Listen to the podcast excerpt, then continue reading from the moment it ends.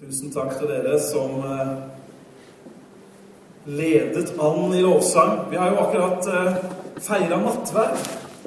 Og jeg satt for en, eh, et par dager siden og, og leste litt. Hva skal man si? Nattverdshistorien, Getsemane, korsfestelsen, oppstandelsen osv. Som var skrevet i en litt sånn annen form enn bare Bibelen vers for vers. Og det var helt fantastisk. Og en ting som slo meg kraftig, det var når, det, når han skrev da, For du vet at disiplene de tenkte jo på mange måter at ja, nå er det nesten over. Ikke sant? Jesus hadde sagt det. Jeg kommer til å dø. Jeg kommer til å oppstå igjen. Jeg kommer til å eh, forlate dere, osv., osv. Og så sier han disse her eh, ordene ikke sant, som vi kjenner så godt. ikke sant? Ta av mitt dette brødet er mitt kjøtt, ikke sant? Denne vinen er eh, eh pakt, blodet i den nye pakten, osv. Og, og det var sikkert en litt sånn stemning at ja, ja, nå har vi hatt noen herlige år, dere, men nå er det nesten over. Kan du forestille deg det? Og alle sånne nattverdsbilder de klarer jo å bringe den stemningen inn i oss, ikke sant? End of the game, end of the chapter. Nå er det snart borte.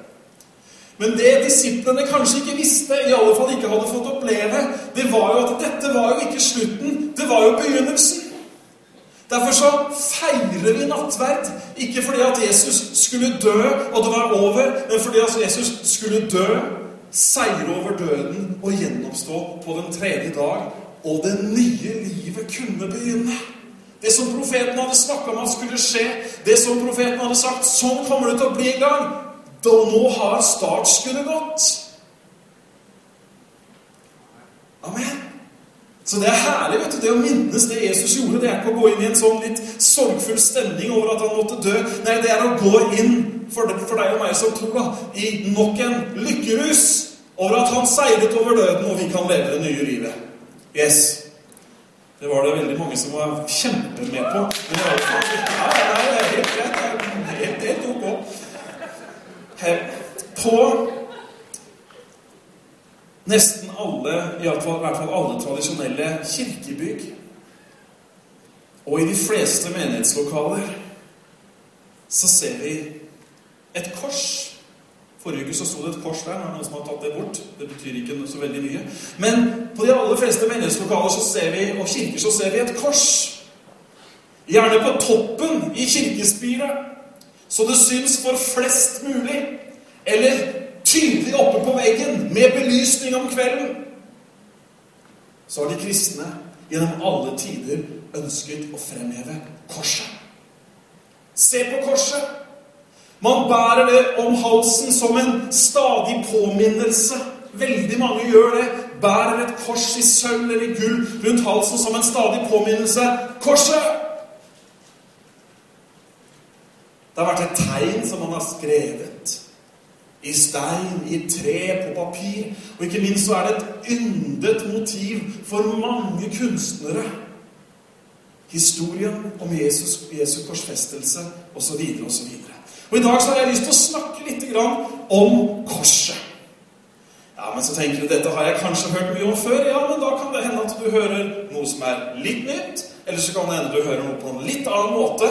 Fordi at det er nemlig sånn at korset, budskapet om korset, det korset sier, det er utrolig viktig. Det som skjedde på korset, er faktisk den viktigste begivenheten som har skjedd i menneskehetens historie. Korset er et veiskille. Korset er et startpunkt. Og helt siden det skjedde og fram til i dag, så har det blitt stående som et symbol nettopp på dette. Likevel så er det ikke alle som er like klar over alt hva korset egentlig sier. Fordi at når du ser korset, så har det et budskap. Det har noe det ønsker å formidle. Korset sier noe til deg og meg. Og til hele menneskeheten.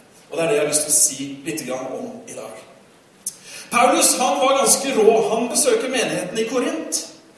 Og så sier han det at eh, Ja, ja, når jeg kommer hit, så kommer ikke jeg med en sånn velfrisert, velpolert ferdig retorisk oppbygd tale full av visdom og filosofi. Det er ikke det jeg kommer. Jeg har ikke tenkt å briljere med taleferdigheter, selv om han godt kunne tro at han kanskje hadde det med bakgrunn i utdannelsen hans osv. Nei, han sa 'Jeg vil ikke vite av noe annet iblant dere enn Jesus Kristus og Han korsfestet'. Videre så fortsetter han, og siterer jeg fritt fra 1. Korinterbrev. Videre så sier han Jeg vil nemlig ikke at noen skal tro på noe eller bli med oss eller ta del i dette på bakgrunn av mine taleferdigheter. Men jeg vil at de skal gjøre det på bakgrunn av kraften som finnes i korset. Det er viktig, det er fantastisk, og det er et privilegium. Jeg tror at jeg kommer til å preke meg sjøl glad i dag. Og jeg tror at jeg kommer til å preke deg glad også. Ikke glad for å liksom skape litt stemning, men en sånn glede som setter seg litt inni her. Det er det som er glede. ikke sant? Når du går rundt med et lurt smil om munnen, med en glede på innsiden, og det er liksom bare et eller annet som er godt. Ja. For det første Vi kan få neste bilde, Sebastian. Korset har et budskap om forsoning og fred. Korset sier noe om at nå har det skjedd en forlikelse. Nå har det skjedd en forsoning. Nå er det to parter som før ikke kunne ha noe med hverandre å gjøre, som har noe med hverandre å gjøre. Det står i Guds ord, og vi kan lese det i 2. Korinterbrev. Du tok et annet et, men vi kan ta det du hadde der. så der står det Og ved ham, der altså Jesus, og ved ham ville Gud forsone alt med seg selv. Det som er på jorden, det som er i himmelen. Da han skapte fred. Hvordan? Ved hans blod på korset. Vet du at Gud, han har forsonet hele verden med seg selv? Hele verden. Alle mennesker er forsonet med Gud. Tenk hvilket utgangspunkt er for å dele de gode nyhetene. Forsoningen har skjedd. Det Jesus gjorde på korset, det er avsluttet. Det er fullført. Det er fullbrakt. Det som gjenstår nå for deg og meg, det er å dele dette fantastiske budskapet, sånn at mennesker kan komme til tro på Jesus. Det står et annet sted at han, altså Jesus, han tok bort skilleveggen står det faktisk i Efeserbrevet. Han tok bort det som sto mellom Gud og mennesker. Og du skjønner at Situasjonen vår den var egentlig ikke veldig god før Jesus døde på korset. Bibelen beskriver det her veldig tydelig. Den sier f.eks. at de var utenfor. Dere var utenfor Kristus, sier Paulus. Bibelen sier at vi hadde ikke noe håp. Bibelen sier at vi hadde ikke noe Gud. Bibelen sier at vi var fremmede. Bibelen sier at vi var å regne som døde. Men så skjedde det noe. Jesus gav livet sitt. Og verden ble forsonet med Gud. Helt fra syndefallet, helt fra Adam og Eva, eh, helt fra de valgte feil, helt fra de valgte å vende Gud ryggen, så hadde menneskeheten dratt med seg en syndig natur vendt ryggen til Gud, ikke vil ha noe med Gud å gjøre. Men Gud, han hadde en plan. Gud hadde, han hadde en tanke. Han ville nemlig ta alle de menneskene som fantes i verden, og så ville han gjøre opp for synden deres. Han ville betale prisen. Han ville håndtere utfordringen og skape enhet, sånn at hans kjærlighet kunne nå menneskene igjen. Og det var det som skjedde på korset.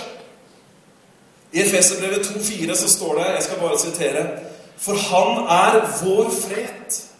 Han som har gjort dem begge til ett, og som brøt ned skilleveggen som sto imellom. Hm. Du vet, Noen ganger når noen forsones, hvis du har vært fryktelig uvenner med noen, du har ryket skikkelig uklar med noen, så er det jo sånn noen ganger at vi likevel da klarer å på en måte gjøre opp, ikke sant? Si unnskyld, sier vi til barna. Det er ingen erkjennelse, det er ingen forståelse at noe er galt, men de får en klar beskjed. Si unnskyld! Noen som kjenner seg igjen? Å, de er så herlige, de små podene, vet du. Si unnskyld! Si unnskyld! Og liksom på femte forsøket Unnskyld. Så går det bort. Har du sett den? liksom, ja, ja, pro forma. Vi kunne sagt Ordet ble uttalt, men det fantes jo ingen gjenoppbygging av relasjon. Eller det var ikke så lett å leke videre, for å si det sånn. Og kanskje du også har hatt noen mennesker som du ja da, du har gjort opp med dem, men du har ikke akkurat klart å leke videre, for å si det sånn. Du fant deg en annen sandkasse. Eller du bytter fortau når du ser dem i byen. Det var ikke sånn forsoning Gud gjorde. Nei, det var en forsoning som innebefatta en total gjenforening. Det var ikke lapping på relasjonen. Det var en ny relasjon. Han dekka ikke litt over synden, sånn at man kunne liksom nærme seg Jesus. Nei, han tok synden bort. Og Bibelen bruker jo dramatiske uttrykk. At vi da ble født på ny. Et nytt liv startet. Det er forsoningsbudskapet. Det er forlikelsen som skjedde. Og ikke nok med det at vi har blitt gjenforent, men Bibelen er full av fantastisk herlige oppfordringer som sier at derfor, på grunn av Jesus, har vi nå frimodighet til å gå helt fram til Gud. Helt inn til nådens trone. Vi kan gå helt hjem. Vi får ikke bare lov til å Dere Tuppen og Lillemor de hadde en sånn sang ikke sant, som endte et eller annet, eller i hvert fall midt inni der så var det noe sånn 'Får ikke lov å leke mer i våresgård'. Er ikke venner med deg mer? Noen av oss husker jo den? Nei. Gud han har åpna det helt inn, han. Det er åpen hoveddør. Kjøkkenet er ikke låst. Stua er åpen. Kjøleskapet der er låsen tatt bort. Du kan forsyne deg. Du kan legge beina på bordet. Du kan ta teppet. Du kan sove på sofaen. Du kan grise på kjøkkenet. Du kan gå helt hjem. Yes! Noen av oss har for vane å oppføre seg som om de er på litt sånn stivt formelt besøk når de har med Gud å gjøre. Men på tanken Hvis du er i en sånn setting hvor du liksom tenker Å, hva, hvordan var disse skikk- og bruk-reglene igjen? Åssen er det? Er jeg her fordi jeg må, eller er jeg der fordi jeg føler at de må ha meg her? Eller hvordan er det? Og en eller annen sånn litt kald pliktopplevelse. Det er ikke sånn. Nei, han forlikte hele verden. Han ga dem adgang ved troen på Jesus. Derfor er budskapet, det korset sier, er det er fred. Det korset sier, er det er forsonet. Det korset sier, er at synden er tatt bort, skammen er tatt bort. Du kan komme helt hjem og slenge deg på sofaen. Yes! Det sier korset til deg og meg i dag. Synden hadde skilt skapt avstand, skapt motsetninger. Men Jesus, Paulus skriver det på mange forskjellige steder, når han døde, så døde han én gang for alle. Det er gjort. Derfor så sa ikke Jesus på korset når han var død, at nå er det ordna for en liten tid. Nå er det tatt hånd om en del. Du får greie resten sjæl på religiøs måte. Leveregler og bud. Nei, han sa ikke det. Han sa det er fullført. Det er fullbrakt. Det jeg har gjort, holder. Er ikke det herlig? Det finnes ikke én ting som kan skille deg eller meg fra Kristi kjærlighet, forteller Korsos. Og Paulus han tar hele lista i romerbrevet. Han sier, ja, hva, hvem kan da skille oss fra Kristi kjærlighet? Er det trengsler? Er det nød? Er det hungersnød? Er det nakenhet? Altså, han tar hele lista. Nei, ingenting er konklusjonen. Fordi korsets budskap er det er fred, det er forsoning. Amen. Det var første punktet, og det er åtte til. Nei, det unnskyld, det er tre til. Jeg har tatt kortversjonen i dag. En jeg kjenner godt, han sier at en preken skal ha innledning, tre punkter og avslutning. Det står det ikke et eneste sted i Guds ord. Noe annet som korset forkynner oss, sier til oss, veldig klart og tydelig, er at det finnes frelse. Korsets budskap er et budskap om frelsende kraft. Det som skjedde på korset, det var ikke bare religiøs, et religiøst klimaks. Det var ikke bare en oppfylling av profetordet for å oppfylle profetordet, selv om det var jo enormt av profetiene som ble oppfylt bare på selve korsfestelsesdagen. Men det er et budskap til oss i dag om at det finnes frelse. I første kor 1.18 så står det at ordet om korset er en dårskap for den som går fortapt. Men for oss som blir frelst, er det Guds kraft. Det kan virke banalt, det kan virke nesten dumt.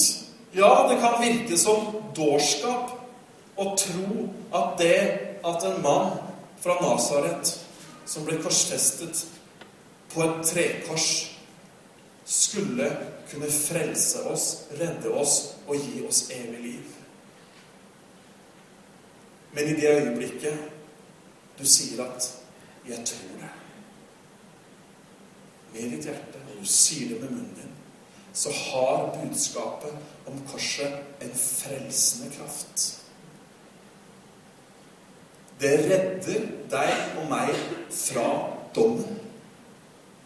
Vi har jo alle gjort feil. Altså, jeg har i hvert fall gjort noen, og jeg tror ikke jeg er så utrolig mye verre enn alle andre. Kanskje litt, men jeg vet ikke. Vi har alle gjort feil. Og ta, ta, ditt eget liv og sett det opp mot Gud, som er hellig, ren, så er det klart at vi mennesker vi har kommet til kort. Og det, Dette er Bibelen ærlig på. Paulus sier det til romerne. Alle har syndet, sier han. og så er det akkurat sånn det var noen hovmodige der, for han sier det finnes faktisk ikke én. Nei, ikke én rettferdig. Vi er litt sånn egenrettferdige, vet du. For vi klipper plenen hver fredag, og vi polerer bilen, og vi betaler skatt, og alt er veldig prektig osv. Og, så og det ser ganske greit ut. Nei, sier Paulus, du skjønner, i forhold til Gud vi har alle syndet. Alle som én har begått feil. Alle som én har egentlig en gjeld, en skyld, å betale for Gud. For at man skal kunne gjenopprette forholdet. Det var den skylden. Det var den synden. Det var den byrden Jesus bar helt opp på korset. Døperen Johannes sa om ham, Se der, Guds lam, som bærer verdens synd. Budskapet om korset er et fantastisk budskap til deg og meg om at synden er tatt bort. Det finnes ingenting som kan komme mellom deg og Gud. Noen ganger så er det sånn at tankene våre eller hjertet vårt plager oss. Samvittigheten gnager. Vet du hva Guds ord sier? Selv om ditt hjerte fordømmer deg, så er han større enn ditt hjerte. Er ikke det et herlig bibelvers? Jeg var mamma jeg, som viste meg det første gangen. Det var da jeg liksom så det en gang hun fortalte om det bibelverset. Tenk på det! Til og med de gangene hvor du føler deg uggen, hvor hjertet ditt fordømmer deg, hvor du tenker at 'jeg er da ikke god nok', og du har til og med kanskje lista klar hvorfor du ikke er god nok, så er det gode nyheter fra korset. Du er frelst. Du er reddet. Om så hjertet ditt fordømmer deg, så er han større enn hjertet ditt. Halleluja! Fantastisk! Det sier korset. Det taler korset. La det være budskapet som når deg neste gang du ser et kors. Det er frelsende kraft i korset. Det dekker alle ting. Det finnes ingenting, faktisk, som kan skille meg fra Kristi kjærlighet. Derfor så er jo Paulus helt utrolig frimodig når han sier 'Jeg skammer meg ikke over evangeliet'. Hm, hvorfor skammer han seg ikke over evangeliet? Jo, det står i neste setning. For det er en Guds kraft til frelse for hver den som tror. Du vet, vi har jo det har jo alltid vært sånn at uh, man har hatt en viss sånn blyghet i kristne kretser, og 'Gud, gi meg frimodighet', og, og 'dette er tungt', og 'dette er vanskelig', osv. Men hallo! Hvilket budskap, hvilken melding å komme med! Frelsende kraft i korset. Jesus har betalt prisen for deg og meg. Vi tilhører Gud. Tenk på det. Djevelen han vil gjerne at vi skal tilhøre han. Han vil gjerne at det skal gå nedenom og hjem, men han har ingen rett i ditt og mitt liv hvis vi har tatt imot Jesus Kristus. Du er ikke hans! Jeg er ikke hans! Det er en helt annen en. Skulle tro jeg hadde en mobil i lomma. Det har jeg ikke. Men uh, vi er hans. Vi tilhører han. Fullt og helt. Det er han som har disposisjonsrett over livet vårt. Hm. Det står i Romerne 6,6.: For vi vet dette, at vårt gamle menneske, altså det vi var før vi kom til tro, ble korsfestet med ham. Ja vel, hadde jeg noe del i det som skjedde på korset? Ja, du har en veldig stor del i det som skjedde på korset. Fordi at det var faktisk dine synder, det var ditt gamle menneske, som ble korsfesta der sammen med Jesus, hvis du tror på ham. Så korset er ikke noe fjernt for deg i det hele tatt. Nei, det er noe som påvirker ditt liv veldig klart og veldig tydelig. Vi vet dette at vårt gamle menneske ble korsfestet med ham for at det er litt sånn kanon her, altså, men det står nå en gang der. For at syndelegemet, altså vårt, vårt tidligere jeg, ikke skulle bli fratatt sin makt. Så vi ikke lenger skulle være treller eller slaver under synden. Fantastisk. Frelsende kraft som gjør at vi ikke trenger lenger å, å ligge under for synd. At vi må gi etter for det. Nei, vi er nemlig frelst. Halleluja! Vet du hva annet Jesus tok på korset, da? Og som gjelder deg veldig i dag også. Jesaja sier det i kapittel 53. For sannelig, det var våre sykdommer. Det var vår skam. Det var vår skyld. Frelse er også helbredelse. Frelsen inneholder også Guds kraft på ditt liv, i ditt liv, sånn at du kan bli helbredet. Ja, Det var mange som syntes at det var gode nyheter, men det er jo fantastisk, da. Halve Norge står jo i helsekø i dette velferdslandet, og så tilbyr evangeliet helse. Halleluja. Det er ordet som brukes som helse. På gresk eller et eller annet har de lærde sagt soso. Det betyr ikke bare frelse fra synd, men det betyr frelse fra plager. Det betyr frelse fra smerter. Det betyr frelse fra sykdommer. Det er herlig budskap, dette korset. Det er fantastisk gode nyheter. Halleluja! Disse gutta vet du, de hadde opplevd korset. Peter og Johannes og De hadde vært der. Og hva var resultatet etterpå? Jo, de plasserte folk langs gata, sånn at i hvert fall skyggen av Peter kunne falle på dem. Hvorfor? Jo, så de ble friske. Hvorfor? Jo, for korset sier frelse. Korset sier helse. Korset sier du kan bli fri fra det som plager deg. Det er det korset sier oss i dag. Halleluja! Korset er ikke bare, selv om det ikke er bare, korset er ikke bare noe som redder oss for evigheten som gir oss evig liv, selv om det i seg sjøl er det største. Men korset er også noe som påvirker deg og meg i dag. Fordi, som jeg akkurat sa, så er det sånn at fordi vi er korsfestet med ham, så trenger vi ikke lenger å være underlagt synden, bli styrt av synden, eh, være sånn som vi var før. Og vi kan motta frelse og helse på alle livets områder. Halleluja! Dette her kan du lese masse om i de første kapitlene i Romerbrevet hvis du ønsker å, å, å, hive deg litt inn i dybden her. Men vi går videre. Det første var at korset sier at det er fred og forsoning. Det andre var at korset har et budskap om frelsende kraft. Og det tredje er at korset har et budskap om offer i seg. Å ja vel, nå kommer det, sier. Ja, her kommer liksom ankepunktet. Her kommer de små bokstavene på kontrakten. Her står det at jeg må visst gjøre noe allikevel. Parker den tanken noen minutter og hør på det jeg har å si. Ok? Kan vi få opp de to neste bibelversene? Kanskje du har plassert disse versene i kategorien vanskelige vers. Vi tar dem senere med sånn fotnote. Eller kanskje du har skrevet 'Ufta' i margen i Bibelen. Nei da, det var sikkert ikke det. Jeg tuller litt med dere. Men i alle fall da, så er det sånn at han som hang på korset, han som er verdens frelser, han som har all makt i himmel og på jord, han sa da også dette. Det er sikkert ikke politisk korrekt i vestlig verden i dag, men han sa det likevel. Og den som ikke tar sitt kors opp og følger etter meg, er meg ikke verdt. Den som vil komme etter meg, må fornekte seg selv, ta opp sitt kors og følge meg. Utvelgelsen av disiplene har et par fellestrekk. De fulgte Jesus, men de betalte en pris for å følge ham. De lot noe ligge tilbake.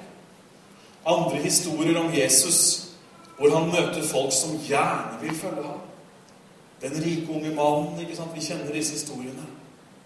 Han går aldri inn i en veldig diskusjon. Det er aldri kontraktsforhandlinger. Det er 'følg meg'. Og så kommer det noen ting å ta. Noen vil gjerne gjøre noe annet først. Men oppfordringen er å følge ham. Du og jeg som etterfølgere av Jesus jeg syns forresten, for å skyte inn det i en parentes Jeg syns benevnelsen etterfølger av Jesus, eller Jesu etterfølger, er bedre nesten enn å kalle seg en kristen. Sånn som det har blitt nå. Jeg snakka med en mann her om dagen og eh, løp på vei opp og så videre. 'Å ja, så du er personlig kristen, du?' Da sa han. 'Ja, jeg er personlig kristen'. Og så sa jeg ikke noe mer da, men så kjente jeg nærmest et sånt umiddelbart behov for å distansere meg fra veldig mye som kalles kristent. Er du med på tankegangen? Jeg fikk liksom, jeg kjente sånn behov inni meg til å si Jeg sa det ikke, da, men, men, det betyr ikke at jeg ikke sant, sånn og sånn og sånn, og sånn, fordi det skjer så mye rart i navnet av kristenheten da, som ikke nødvendigvis har noe med å være Jesu etterfølger i det hele tatt å gjøre. Men den skal vi ta en annen søndag. Det å være en etterfølger, det medfører at vi må kanskje gi opp noe. Eh, Jesus sier noe annet også. Han sier 'den som mister sitt liv for min skyld' og evangeliets skyld, skal berge det. Eh, vekkelseshistorien forteller om en, en enke som eh, hadde faktisk syv sønner. Hun og mannen hadde fått syv sønner. Og dette var eh, troende mennesker som hadde gitt livet sitt for Jesus. Og én etter én av de seks eh, av, av, For etter en av, av, seks av de syv sønnene eh, i evangeliets tjeneste så mista de livet. På ulikt sett. Så dro den syvende også ut i misjonstjeneste. Og det endte faktisk på samme måte med han. Hun mista alle. Og så var det en velmenende kristen som sa til henne at Ja, det er trist, da, at ikke du har en til, et barn til, sånn at du kunne hatt én hos deg. Så sier dama at det som er trist, det er at jeg ikke har én til å sende. Det er fantastisk å kunne si etter å ha gitt syv barn i Herrens tjeneste. Og Dette her er litt sånn fjernt fra oss, men vet du hva, det er ikke fjernt i det hele tatt. Kan ikke vi få opp det bildet av denne dama igjen, Sebastian? Birgitta Almeby, svensk, 71 år, i desember så ble hun skutt på gata utenfor hjemmet sitt i Pakistan. Altså nå, rett før jul. Etter 40 år i misjonstjeneste. En motorsyklist kjører forbi i sakte fart, drar fram et automatvåpen og skyter denne dama. Og hun kjemper for livet sitt i mange dager og dør. venninna hennes som hun har jobba sammen med i veldig mange år. Hun er i Norge akkurat nå. Bor rett borti høyre her, i Holmestrand. Det er 2012. Det er 2013. Mennesker betaler en pris for evangeliet. Tro ikke at martyrtiden er over i verden. Nei, det drepes mennesker for troens skyld hver eneste dag. Og det er millioner av mennesker som har gått ned bare det siste århundret opp gjennom 1900-tallet. Og det ser ikke ut som det kommer til å slutte med en eneste gang. Alle trosheltene våre, dere de som vi liker å sitere, Peter og Paulus og Philip og Johannes og alle de andre som ikke vi har hørt så mye om, men som sikkert også gjorde mye. Vet du hvordan de døde? Nå har ikke jeg full oversikt, men jeg vet hvordan mange av de døde. Og de ble ikke gamle og mette av dager, for å si det sånn.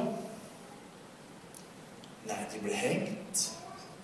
De ble drukna. De ble saget i to.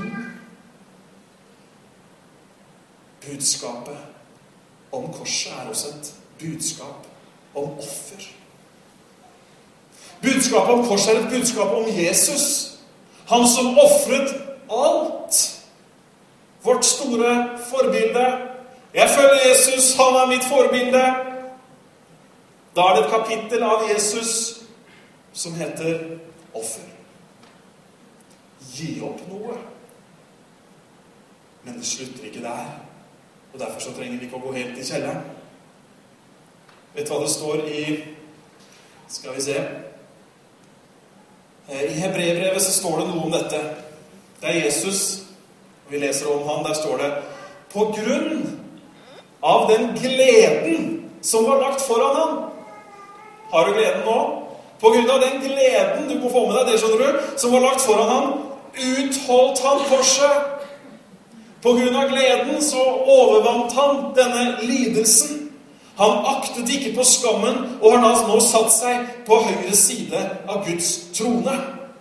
Og det neste verset, det er til oss, for der står det For se på Han som har utholdt slik en motsigelse fra syndere, for at dere ikke skal bli trette og motløse i deres sjeler. Budskapet om korset, kjære venner, har alltid gitt mennesker en person. Det har alltid fylt mennesker med lidenskap. Det har alltid gitt mennesker noe å leve for og dø for.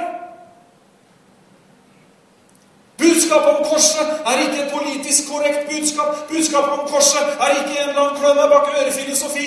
Nei, det er et budskap om frelse til hele denne verden. Og det budskapet, det møter motstand. Paulus, som jeg Du har skjønt at jeg er glad i Paulus? Har du skjønt det? Liker sånne Paulus-sitater. Det er ganske enkelt fordi han har skrevet største, store deler av Nytestamentet. Men det er veldig mye bra. Og hør her, går vi rett inn i Paulus sitt liv. Det er en situasjon, og vi bare tar til oss måten han møter dette på. I, eh, hvis, du, hvis, det er noen som noterer eh, I Apostlenes gjerning i 20, 2023 så sier Paulus 'Jeg vet bare dette'. Jeg vet bare dette, at Den hellige ånd vitner og sier i hver by at, lengs, at lenker og trengsler venter meg. Han, han veit det. Han har opplevd det. Guds ånd som taler til han sier det kommer, treng, det kommer lenker, det kommer trengsler. Det kommer til å bli skikkelig mye trøbbel, Paulus. Og du vet, mange av oss vi kunne, jo, vi kunne jo tenke at ja, nå er det kanskje greit å trekke seg fra denne avtalen, nå som vi går over i en annen fase. Nå har jo betingelsene forandret seg noe. Vi hopper kanskje av karusellen. Dette kan jo koste smerte. Det kan jo bli fengsel. Det kan jo hende at noen snur ryggen til oss. Vi kan jo bli uglesett. Men vet du hva som er Paulus sin reaksjon? Det står nemlig i neste vers. Men ikke noe av dette gjør meg noe. I en engelsk, engelsk oversettelse står det But none of this moves me. Ingenting av det Den hellige ånd vitner om nå, kan klare å gjøre noe med meg i det hele tatt. Heller ikke har jeg livet kjært for min egen del. Verden trenger en ny generasjon av troende som er villig til å betale prisen for at budskapet om korset skal nå nye mennesker. Nå er vi heldige i landet vårt i forhold til dødstrusler osv. Vi har ytringsfrihet, vi har trosfrihet, og vi kan egentlig gjøre veldig mye. Så det er kanskje ikke dødstruslene som hagler, som er problemet. Jeg var faktisk i Pakistan, som denne Birgitte også har jobba i. Var i samme by som hun ble skutt i for noen år siden. Rett før jeg kom, så hadde den organisasjonen som jeg skulle besøke og preke hos, de hadde mottatt drapstrusler.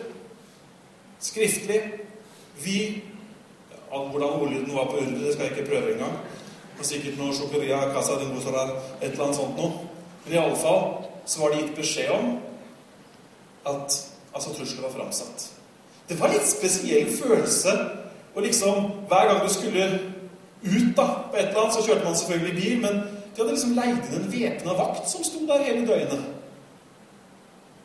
Og de hadde ikke så mye penger, så det var sikkert ikke bare liksom på moro skyld nå skal vi imponere han der fra Norge med, med, med litt væpna vakt, og jeg fikk, jeg fikk prøve våpenet hans og sånn, og det var jo gøy, men ikke sant? Det funka, kan du si. Det var skikkelig rekyl. Fullt trøkk. Men det levde disse her med. Støtt og stadig. Og plutselig mens jeg var der, så vi var innlosjert i noe de kalte for et feriesenter. Det er vel uh, det nærmeste norsk kennel du kan komme borti, tenker jeg. Plutselig så måtte vi flytte oss, for at da kom det noen som de tenkte at hvis de ser at det er kristne her, og enda mer hvite kristne Dette var på grensa opp mot Kashmir, der var det i grunnen smeller ganske mye, kan du si. Og i all hu og hast så kom de og henta meg, røska med kofferten, og så skulle, vi, så skulle, jeg bo på noe annet da, som hadde fem bokstaver på utsiden av veggen. H-O-T-E-L. Det var vel også det eneste som minnet om et hotell. Eh, men i alle fall så fikk jeg kjenne litt på det derre Oi! Og det var sånn tvers om gata. Det var en bitte liten landsby. Alt var egentlig 100 år tilbake i tid fra hvordan vi holder på nå. Det var morsomt.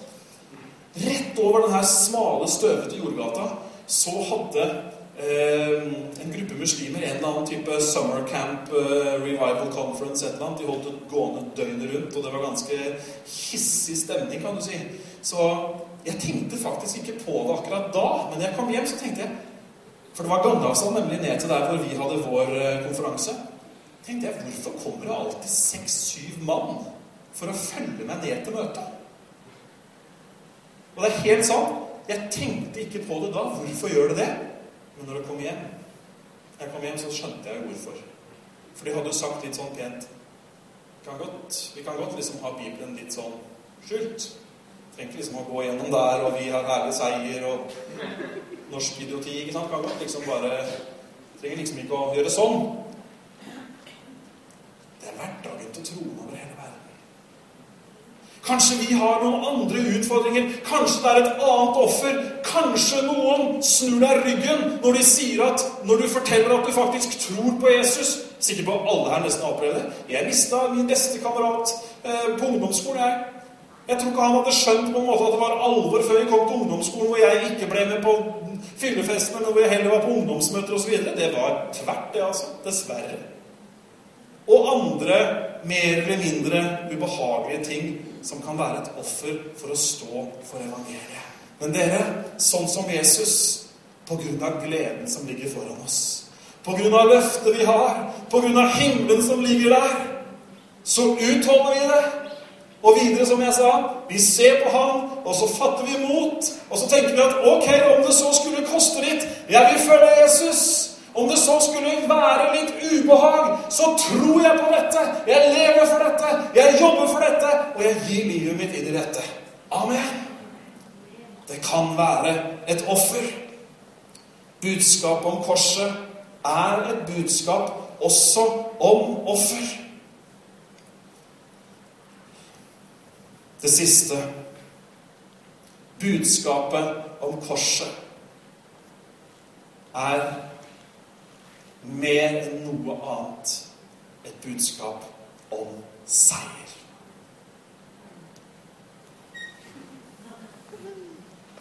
Det er et budskap om seier. Det gikk bra til slutt. Men budskapet om korset er klart og tydelig. Har du sett sånn derre Jeg aner ikke om de gjør det egentlig, men jeg har sett det på en film en gang. Så var det sånn at det var et hus som var eh, haunted, hva heter det? Sånn eh, Hjemsøkt, heter det på norsk. Og så var det da en prest som ble tilkalt, ikke sant, og gikk da inn ikke sant, med et kors i hånda foran seg. Hvorfor? Han ville si til alle maktene og myndighetene 'Jesus har seiret'. Det er derfor de gjør det, vet du. Har du sett de som driver og korser seg også? Det er kjempefint å drive og korse seg hvis det minner deg på at Jesus vant en full og hel seier over alle makter og myndigheter. Så må du korse deg hele døgnet rundt for min del. For vi, du, du, og jeg vi trenger å få det budskapet inn at det var seier. skjønner du? Noen av dere kjenner jo noen av de der gamle som hadde sånne slagord. Vi hadde en annen predikant husker jeg ikke hvem det var en gang, som besøkte Smyrna da jeg vokste opp. Jeg fatta aldri hva det var han snakka om. Jeg var bare en liten gutt. Men han sa hele tida på sin særegne dialekt 'Det seier'. Det seier! Og det var liksom en sånn proklamasjon. vet du. Det var ikke bare for å ha det moro, men han, for han så var det 'det seier'. Og det er faktisk seier. Budskapet om korset er et budskap om seier. Det er fantastisk, for det gir jo deg og meg de aller beste fremtidsutsikter. Jesu død på korset den er av grenseløs betydning. Jesus triumferte nemlig over Satan og alle hans demoner. Et av mine favorittvers kan vi ikke få opp det, Sebastian. Det har vært i alle år. Og jeg kommer stadig tilbake til det. Og det er så mye kludderier rundt det bibelverset i bibelen min at det er nesten ikke papir igjen av alt blekk og tusj og alt greier. Skal, vi, skal jeg lese det for dere? Dere som var døde i deres overtredelser og uomskårne kjøtt. Det kan vi forklare en annen gang. Har han gjort levende sammen med ham? Og han har tilgitt dere alle overtredelsene. Han slettet ut håndskriftet som sto imot oss med bud, det som vitnet mot oss. Han tok det bort ved at han naglet det til korset. Han avvæpnet myndighetene og maktene og vanæret dem offentlig da han triumferte over dem på korset. Wow, wow, wow. Oi, oi, oi. Her, du, er det, her er det kjøtt og stoff til å skrive bøker, og det er det mange som har gjort. Og vi kunne hatt lange prekener om det ene og det andre. Men poenget er jo at han seiret. Og vet du, vi skal ha sånn bekjennelse med lukkede øyne. Noen menn som ser på boksekamper sånn seint på kvelden på noen andre sportskanaler. Ja, nei, ok. Jeg skal gjøre det noen ganger, da. Lite grann når Julia sover. Og noen ganger, vet du, når det er sånn på slutten så ah, altså, Jeg kan ikke alt om boksing heller. Det, noen ganger er det veldig kjedelig, for det står bare sånn og knuger. Det kunne jeg også gjort. Jeg er ganske tung. Jeg hadde sikkert gjort det ganske godt. Bare stått og lent meg mot han andre. Men så er det noen lettere, kjappere sånne fjærkle, eller hva de kaller det. Nei, fjærvekt. Da er det litt mer liv. Men i alle fall, altså er det på slutten av kampen. Er du med? Alle har sett såpass boksing. Det er på slutten av kampen, og du ser to stykker. De kan knapt stå på beina. Dommeren holder en i den høyre hånda og en i den venstre hånda. Og så lurer vi liksom på hvem i all verden av disse kan å vinne, da? Og Noen ganger så veit de det, men mange ganger så veit de det ikke. Og så plutselig opp, går armen opp, og det er full jubel. Og jeg vant visst! Steike, de vant! Jeg knuga lenge nok og slo godt nok. Jeg vant! Det er ikke sånn seier. Jesus vant. Altså, Hva mener jeg med at ikke det er sånn seier? Jo, det er ikke en sånn derre Oi, du må tro om det går bra, liksom. Englene i himmelen satt der oppe, og nå var det en rett høyre, gitt. Jeg lurer på om han tok den. Og nå kommer den. Jeg lurer på åssen det går. Kommer han liksom til å klare dette? Nei, det visste de at han gjorde. De visste det vel? Hva står det i Apostelens gjerninger? Det står at det var umulig for døden å holde på ham. Hallo! Da kan du møte døden, da, hvis du vet at det er umulig for døden å holde på ham. Løftet Faderen hadde gitt, var at han skulle gis. Han skulle ofres, men så skulle han gjenoppstå. Så det var en seier med hodet høyt, og det var en seier som var triumferende. Hvis du ser på neste bibelvers, så skal du se en engelsk oversettelse som sier det på en litt annen måte. Det er siste delen av forrige verset. Having disarmed principalities and powers. He, Jesus, made a public spectacle of them, triumphing over them in it. Vet du hva? Det ordet som brukes på grunnteksten om den der triumfen, det er akkurat samme ordet som brukes når du leser annen historie, annen gammel historie. Eh, ordet som brukes når krigsherren, den seirende krigsherren, kom til sin hjemby og kom med fangene slepende etter seg. Til folkemengdens jubel. Har du sett Gladiator? Ja, det var på den tida cirka. Da har du plassert det. Det er det samme ordet som brukes. Det var ikke sånn at han liksom Ja, da ble det kjent i visse indre kirkepolitiske kretser at da har altså Jesus Kristus fra Nasaret Han har da altså seiret.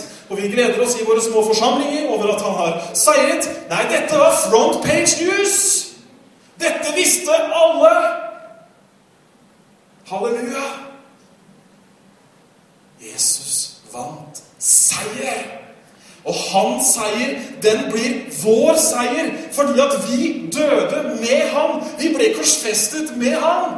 Er ikke dette ganske bra, folkens? Jeg kjenner at jeg letter. Skulle ønske jeg ble lettere òg, kanskje det, men det er en eller annen sånn duo-effekt der. Altså, det, er, det er veldig hans seierrett. Og hans seier er min seier. Fordi at eh, Bibelen sier at Men i alt dette, sier Paulus, vinner vi mer enn seier ved han. På grunn av han. Fordi han har vunnet seier. Jeg syns det er veldig bra. Jeg syns det er helt herlig. Jeg syns det er helt nydelig å være på seierslaget. Ordet om korset, det er budskapet om en mektig triumf. Ordet om korset er budskapet om en triumf som en gang for alle endret menneskeheten. Ordet om korset er ordet om en seier som gjelder deg og meg også i dag. Vi trenger ikke en ny korsfestelse. Vi trenger ikke et nytt Golgata. Nei, det er åndskreftene er beseiret. Djevelen er beseiret. Og hvis du kan ta to skriftsteder tilbake, så passer det. Der så står det Han slettet ut håndskriftet som sto imot oss med bud. Har du, har du, noen gang fått sånn brev fra banken om at et lån er innfridd? Det er deilig. Det er fantastisk, altså. Vi kjøpte en bil en gang. Ja, Vi har den for så vidt fortsatt, da. Og så hadde vi spart litt penger, og så kunne vi liksom betale inn lånet. Og så fikk jeg sånn tilbake liksom Gjeldsbrevslån nummer det og det er innfridd. Og så sto det på det kontonummeret som den, eh, det lånet hadde, så var det liksom null. Deilig. Det var gjort. Det var så god følelse at hvis noen vil hjelpe meg med det andre gjeldsbrevslånet jeg har, så er jeg åpen for eh, bidrag sånn etterpå her i dag. Jeg skylder ingenting! Og vet du hva? Jeg skylder ingenting heller. Til noe menneske, til noe Gud. Det er ingenting jeg må gjøre opp. Alle de lov, alle de kravene, hele lista over alt som vi har gjort, alt som jeg har gjort galt, i hvert fall, så får du svare for deg sjøl.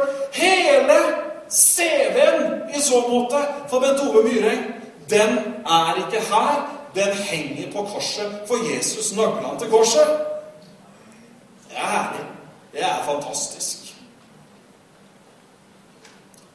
Og Det kan man minne djevelen på når han kommer. Oi, sa du djevel? Jeg trodde ikke han fantes lenger. Jo, han finnes. Det er ikke vanskelig å se at han finnes. Han kommer vet du, med sine lurerier. Prøver å ta fra oss seieren. Prøver å si at ikke du er god nok opp mot et eller annet menneskelig krav. Derfor så sier Guds ord La ingen frarøve dere seiersprisen. Da er det noen religiøse skjønner du, som har kommet inn i en av de første menighetene. Også Paulus han har skjønt dette, så han skriver et brev til menigheten. For da er det diskusjon. da, Hva skal vi spise når, og fullmåne og halvmåne og alt mulig rart. Jeg vet ikke hva det er engang. Men som liksom skulle komme inn som betingelse for om man var rettroende. Paulus klinkende klar. Han sier, 'La ingen dømme dere for hva dere spiser eller drikker.' 'La ingen frarøve dere seiersprisen.' Det er noen som prøver å frarøve seiersprisen. Og denne utfordringen må vi ta.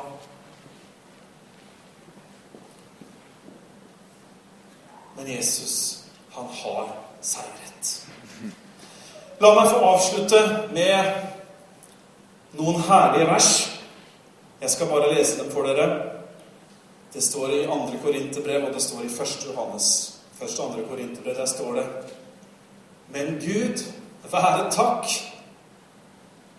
som alltid Ikke noen ganger, men som alltid leder oss til seier i Jesus Kristus, og som ved oss gjør duften av hans kunnskap kjent på tvert sted. Han leder oss alltid til seier. I 1. Johannes 5,4 så står det For alt som er født av Gud, seirer over verden. Og dette er den seier som har seiret over verden vår tro. Hvem er den som seirer over verden, om ikke den som tror at Jesus Kristus er Guds sønn? For et bibelvers! Hørte du hva han sa? Hvem i all verden skulle i det hele tatt kunne klare å seire om ikke det var den som tror på Jesus Kristus? Vi har de beste forutsetninger. Budskapet om korset, kjære venn, er et budskap om forsoning og fred. Det er et budskap om frelsende kraft. Budskapet om korset er et budskap om offer. Og budskap om korset er et budskap om seier. Yes! Halleluja! Stian og teamet, kan ikke dere komme opp? Hm.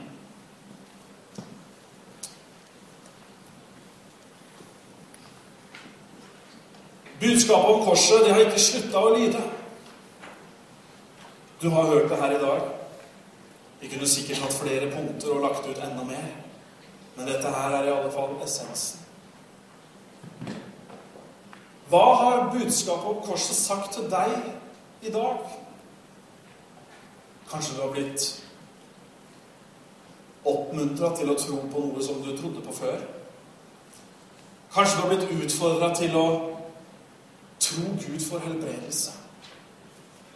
Kanskje du har blitt utfordra på noen av disse andre punktene som har med at det finnes en pris å betale. Eller kanskje du trengte å høre, trengte å minne deg sjøl på den fantastiske seieren som Jesus vant. Dette kan vi leve i hver eneste dag. Og gudstjenesten her i formiddag den er jo nesten slutt. Men vi har eh, allikevel tid. Vi synger en sang nå, og hvis det er noen som har et eller annet behov, så er budskapet om korset at det behovet kan bli møtt. Kjenner ikke alle som er her. Kanskje du for første gang skjønte at budskapet om korset er et budskap som kan frelse deg, som kan gi deg evig liv, som kan tilgi syndene dine. Kanskje du har slitt med sykdom og trodd at Nei, det er nok sånn det må være. For jeg har gjort det ene og det andre. Jeg snakka med en dame her for eh, noen få dager siden. og Hun hadde fått en undervisning da, at det måtte være et eller annet hun hadde gjort galt, siden hun da fikk kreft for fjerde gang.